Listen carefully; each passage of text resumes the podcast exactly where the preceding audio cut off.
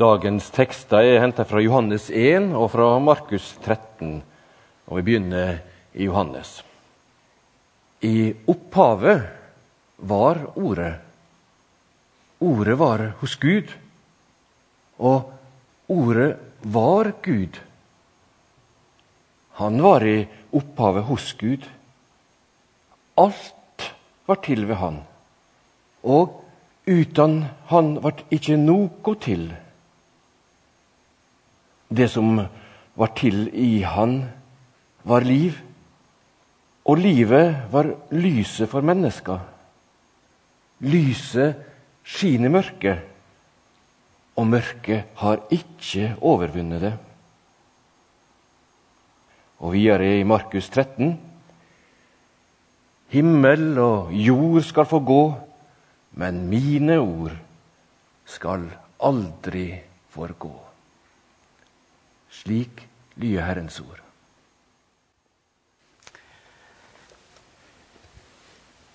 Vi har sett to klipp i dag fra sesong to av serien The Chosen. Den første episoden i andre sesong. Og den Sesongen to den starter altså med et glimt en del år fram i tid i forhold til der sesong én sluttet. Skal vi tidfeste det, så ser det ut til å være rett etter en hendelse beskrevet i apostelgjengene kapittel 12. Der står det på den tiden la kong Herodes hånd på noen i menigheten og for hardt fram mot dem. Jakob, bror til Johannes, ble henrettet med sverd. I denne filmserien omtales Jakob, Johannes' bror, som Big James. Og han var en av de første martyrene. Vi forstår at Johannes er i sorg, og det er også Maria, Jesu mor, som han her kaller for 'mother', mor. Og Det har jo sammenheng med at Da Jesus døde på korset, så sa han da Jesus så sin mor, og ved siden av henne disippelen han elsket, sa han til sin mor, 'Kvinne, dette er din sønn.' Deretter sa han til disippelen, 'Dette er din mor.' Fra da av tok disippelen henne hjem til seg.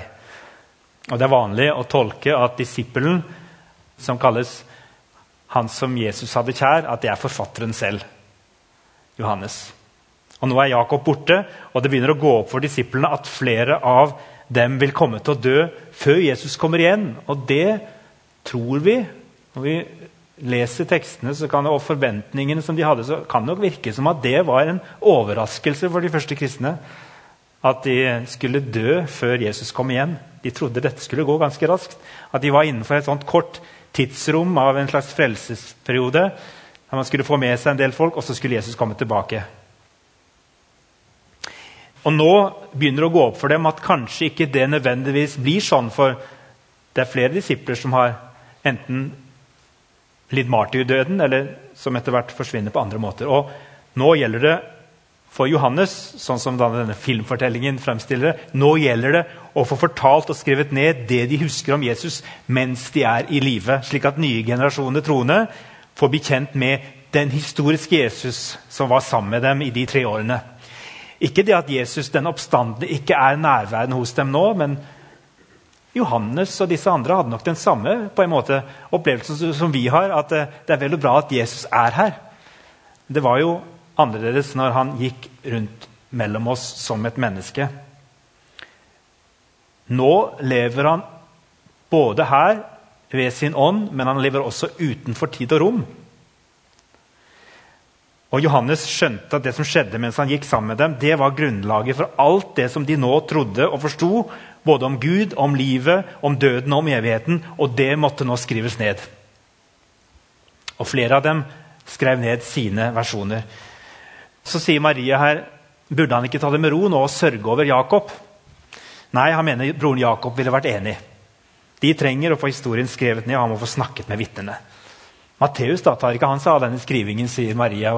For vi vet jo at eh, både Markus og Matteus sannsynligvis ble skrevet før Johannes skrev sitt. Jo da, Matteus skriver det ned slik han så opplevde det. Og det kommer til å bli nøyaktig nok, men Johannes han opplevde å stå nærmere Jesus, så han kan tolke det som skjedde, og gi hendelsene et dypere innhold. Og Det stemmer jo litt med virkeligheten, for Johannes evangeliet er annerledes enn de andre tre evangeliene. Og Det kan nok tenkes at Johannes hadde en særlig relasjon til Jesus, og at han fikk innsikter og ja, kanskje dybdeforståelse som, som de andre ikke valgte å ta med i sine evangelier. Selv om både Matteus og Johannes følger de historiske linjene, og det er noen som sier at Johannes kanskje er den mest troverdige historikeren faktisk, i forhold til rekkefølge og når ting skjedde rundt påsken. og sånn. Men vi ser likevel to øyenvitner som skriver om det de har opplevd og sett på veldig forskjellige måter. Og jeg syns ikke det er så rart. Fordi Jesus han ble inkarnert blant mennesker, og ordene hans som kommer til oss, går også gjennom menneskelige øyne og vitner som har sett det, og som på en måte profetisk med sitt blikk tolker det som hadde skjedd, og gjengir det. Men det har en smak av mennesker. Det er ikke noe som bare ramla rett ned i hodet på et menneske på et fjell. Nei, det er blitt til i det åndelige fellesskapet av disse disiplene. Og kanskje var det sånn at Johannes noterte seg ned. Ja, det må jeg få med meg. Jeg liker det at vi får lov til å leke oss litt med den tanken. I filmen så sier Maria munter til Johannes når han sier 'Jesus elsket meg'. Spesielt. Så sier han 'Han elsket dere alle'. Du bare føler for å snakke oftere om det enn de andre. Jeg tenker samtidig Det er en mer moden og reflektert utgave av Johannes' disippelen vi møter her litt på sine voksne dager, godt voksne dager enn den unge, oppfarende, selvopptatte tordensønnen, som Jesus kalte ham, som vi blir kjent med seinere, nå i denne første episoden, episode 2, når vi er tilbake på Jesus' tid. Vi får se hvordan Johannes diskuterte med sin bror Jakob hvem som var viktigst blant disiplene. Og Denne umodne selvopptattheten den står beskrevet i Markus kapittel 10. Jakob Johannes, Sebedeus-sønnene, kom til ham og sa 'Mester, det er noe vi vil be deg gjøre for oss.' 'Hva vil dere jeg skal gjøre for dere?' spurte han. De svarte, 'La oss få sitte ved siden av deg i din herlighet.' 'Den ene på din høyre side og den andre på din venstre side.' Så lite de skjønte i begynnelsen, disse disiplene. Jeg tror egentlig ikke de snakket om himmelriket. De snakket om sannsynligvis at herligheten den skulle sannsynligvis skje her, i form av at kongen skulle trå inn på tronen, og han skulle ha et hoff rundt seg. Og De trodde de skulle bli viktige personer i Israel fordi de var i den nye, mektige kongens følge. Det skulle jo være et åndelig rike, ja, men jeg tror nok det ble annerledes enn de hadde tenkt når de etter noen år så forfølgelsen som kom, og alle de vanskelighetene de skulle gjennomleve. Men da hadde de også skjønt mer av hvem Jesus var, og hvem Jesus skulle være. Det var jo ikke bare Jakob som ble henrettet. Alle disiplene som var igjen etter oppstandelsen, ble tatt av dage på den måten, med unntak av sannsynligvis Johannes selv som vi møtte her, for han var trolig den eneste som døde en naturlig død som gammel. Alle de andre ble martyrer for sin tro. Så lite de skjønte i begynnelsen. Jeg vet ikke om jeg selv kjenner meg best igjen i Johannes som ung og brusende tordensønn, eller som det mer kloke, ettertenksomme Johannes som legger sammen alle puslespillbitene i et evangelium. Det Kommer litt an på hvilken versjon av meg dere støter på. Jeg tror mine nærmeste de vil kunne bekrefte at jeg fortsatt, i en alder av 48 år, er ganske barnslig opptatt av å bli sett på som viktig, flink og innflytelsesrik. At jeg kan være ganske opptatt av å bli anerkjent av folk som er litt kjente, og som det er stas å sole seg i glansen av. Selv om jeg vet at både Jesus og, og kona mi syns at jeg kunne kommet lenger i helliggjørelsen, så er det litt godt å vite at Johannes og de andre disiplene de var også ganske selvopptatte ja, at Johannes han kunne beskrive seg som en smule selvpromoterende også her på sine eldre dager når han skriver i evangeliet at han var den som Jesus hadde kjær. Det var sånne upolerte folk Jesus valgte seg ut til å være med i følget hans og være hans nære venner og fortrolige. All klokskapen og visdommen den var noe Jesus ga dem litt etter litt underveis. Kanskje først og fremst etter at han gikk ut av tid og rom, og de fikk avstand til det hele som hadde skjedd, og levde det nye Jesus-livet sammen. Jesus så hvem Johannes var helt fra begynnelsen, og så visste han hva Johannes kunne bli. Jesus så hvem Vidar var helt fra begynnelsen, og han visste hva Vidar kan bli. Jeg får lov til å leve i det perspektivet. Jesus ser hvem du og jeg er, og han ser mye bedre enn oss hva vi skal bli, og hvor vi skal gå. Akkurat I disse dager så kjenner jeg at det er litt godt å ha det med i forhold til sånne veldig konkrete visjoner for hvor vi skal føre menigheten. og sånne ting. Det var en som sa det nå på retreat i helgen. Noen av oss i menigheten var på et nyttårsretreat, og så ga han et, sånt, et sånt pilegrimsutsagn som er omtrent sånn. Den som vet hvor veien fører ham hen, han føres ikke langt. Det var greit å ta med seg. Men apropos begynnelsen. Hva var begynnelsen på hele historien om Jesus? Hvor skulle Johannes begynne å skrive den historien som vi alle sammen har blitt dratt inn i? Vi hørte det her. Jesu fødsel? Nei, nei før. Abrahams fødsel? Nei, før. Noah? Nei. Hagen? Paradis? Nei, før det òg. Han hadde sett og skjønt gjennom sine samtaler med Jesus, og kanskje ikke minst etter oppstandelsen, at Jesus var en del av den tredje Gud, og dette måtte han prøve å få fram i evangeliet. Før alt ble skapt, måtte Jesus ha vært der. Og den apostoliske trosbekjennelsen den begynner å ta form. Den som handler om at Jesus er en del av den treenige Gud, som har vært før alle tider. Og da begynner det å svimle for oss.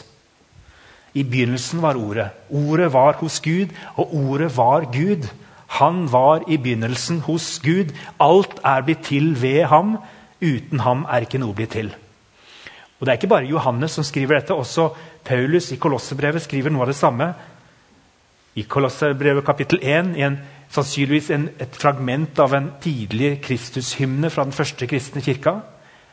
Han er den usynlige Guds bilde, den førstefødte før alt det skapte. For i ham er alt blitt skapt, i himmelen og på jorden, det synlige og det usynlige, troner og herskere, makter og åndskrefter. Alt er skapt ved ham og til ham. Han er før alt, og i ham blir alt holdt sammen. Denne Jesus som vi møter her, som går ja, på den ene siden, og på den andre siden så er Jesus også treenig Gud. Det svimler å kunne holde de to tankene samtidig sammen. og Derfor så er det jo veldig mange som rasjonelt sett har strevd med det og ment at det, nei, det blir for mye menneske-Jesus her. Eller noe andre vil si at vi gjør ham for guddommelig. Og så har Den kristne kirke holdt sammen disse to tingene hele tiden. Gjennom stridigheter og sånn, så har de holdt sammen trosbekjennelsen på at han er sann Gud og sant menneske. Det var det som skulle til for at han kunne være frelser. Vår frelser. Det er ikke så lett å holde tanken sammen om disse kontrastene. Og jeg tenker at Dette kan ikke disiplene ha kommet på av seg selv. Det må ha blitt åpenbart for dem. For så sprøtt er det at den treenige Gud som befinner seg utenfor det skapte, og derfor også utenfor tiden og rommet, han bestemte seg for å gå inn i tiden og bli en del av et begrenset tidsrom i menneskehetens historie som et vanlig menneske som pustet og var av kjøtt og blod.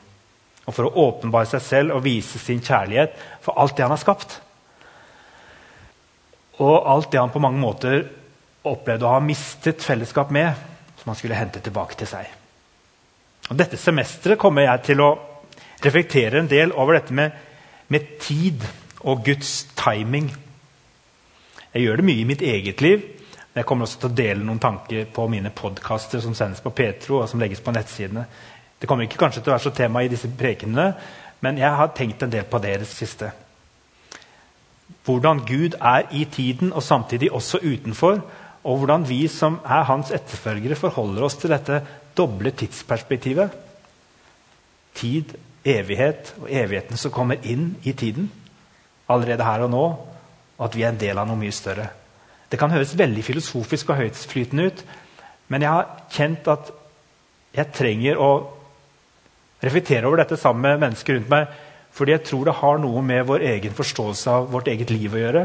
Og Vi har blitt så utrolig minnet om det de siste tre årene, hvor, hvor sårbare vi er, og hvor, hvor, lite vi har kontroll over. Og jeg har kjent at ja, jeg, jeg, trenger å, jeg, trenger å, få tak på dette her. Hva er det som er Guds timing? For hvordan vi forstår tid, og hvordan vi forstår oss selv i forhold til tiden her og nå, evigheten, det har ganske mye å si for hva det vil si å være menneske og kristen. Og det henger sammen med veldig mye. Og det er altså spennende å være i dialog med andre fagdisipliner om det, både psykologi og naturvitenskap. Men vi kristne har et svar som delvis er det samme, og som i noen grad vil være litt annerledes enn det vitenskapen kan si noe om. Jeg skal begynne å runde av, men jeg vil være litt personlig nå mot slutten. Det kan hende det hører med til det å være omtrent midt i livet at man blir litt sånn filosofisk av seg. Opptatt av hvor fort livet farer av sted, og hvor fort vi blir gamle. Johannes i filmen han hadde dårlig tid. Sånn som Han fremstilles. Han måtte få skrevet ned historien om de tre årene da han hadde vandret sammen med Jesus. Og Han hadde god grunn til det, for han kunne ikke vite hvor lenge han skulle få være i livet, i tida. Han visste ikke når han og disiplene skulle bli revet ut av tiden, sånn som broren Jakob hadde blitt. Antagelig hadde de vanskeligheter med å forstå hvorfor Jesus lot til å ha så god tid. Hvorfor kom han ikke igjen før de begynte å dø? Siden har det gått nærmere 2000 år. Og Jesus har ennå ikke kommet igjen. Kanskje de færreste av dere en gang tenker over at muligheten er der for at han kommer før dere selv dør? Den treenige Gud. Fader, Sønn og Hellig Ånd han har et annet forhold til tid enn det vi har. Det kan virke som han har veldig god tid. Det kan være andre ganger vi, vi kan tenke at han har dårlig tid. eller Det passer ikke alltid inn med, med, vår forståelse. Kanskje er det fordi han ikke forholder seg til tid sånn som vi gjør. Vi forholder oss til en lang fortid, en ganske kort nåtid og en og flyktig nåtid og en framtid som vi vet lite om. Men Gud, han bare er. Hans eksistens er på tvers av tid og rom. For han er tusen år som én dag fordi han dypest sett ikke er begrenset av tiden. Jesus Kristus er den samme i går, i dag og til evig tid. Samtidig er han fortsatt den som Johannes kunne regne litt ekstra som sin venn. Og det tenker jeg Johannes egentlig er et forbilde for oss. Han gjør seg ikke til så mye viktigere enn andre. men det er bare det at han, han har det personlige forholdet til Jesus som gjør at han kunne si jeg, jeg føler at Jesus er litt ekstra min. Og Det har jeg lyst til at alle sammen skulle kunne få lov til å si. Jeg, jeg føler liksom som Jesus er litt ekstra min. Det er svimlende, det er jo kosmi, det er kosmiske dimensjoner her. Utenfor kosmos, til og med. Jo, men han er litt ekstra min. Han er sann Gud og sant menneske. For ham er vi alle sammen helt spesielle. Han er vår skaper, og på samme tid så er han et menneske som føler, tenker og bryr seg sånn som et godt menneske gjør. Og han vet hvordan vi har det. For han har vært her og kjent på hvordan det er å være menneske. Og så har han altså mye å lære meg om det å ikke kave og stresse og ha så dårlig tid. For vi har en evighet å ta av, sier Jesus til oss. Dette livet i tiden den er bare som en liten forsmak på evigheten sammen med ham. Og hvis det er det sånn at vi skal bruke tiden vår godt, og det er bibelstedet som snakker om det også. Å kjøpe den rette tid og alt sånt. Vi skal elske mennesker og vise dem hvem han er, mens vi har muligheten. Men ærlig talt er det nå det som gjør at vi har så dårlig tid, sånn dypest sett, som gjør følelsen av å dårlig tid? Eller er det snarere alt det vi ønsker å realisere og få gjort, og handler ikke like mye om våre egne liv.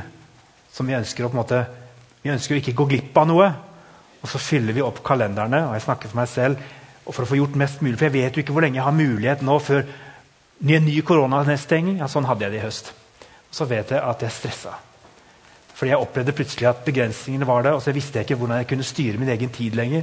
Og så var det egentlig sånn at jeg ble, jeg ble en uh, slave av tiden. Og så sier Gud til meg i hvert fall du vet ikke alt om 2022, men jeg har oversikten. Og i min tid, og i mitt tidsperspektiv og i mitt evighetsperspektiv så har jeg kontrollen. Hvil i at jeg bærer deg, bærer menigheten og bærer dere også gjennom denne tida. Lev i evighetens lys, sånn som Jesus gjør.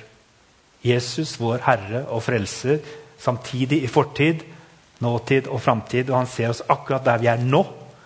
Og meldingen for 2022 er enkel. Uansett hva som skjer, sier han, 'Jeg er begynnelsen og enden'.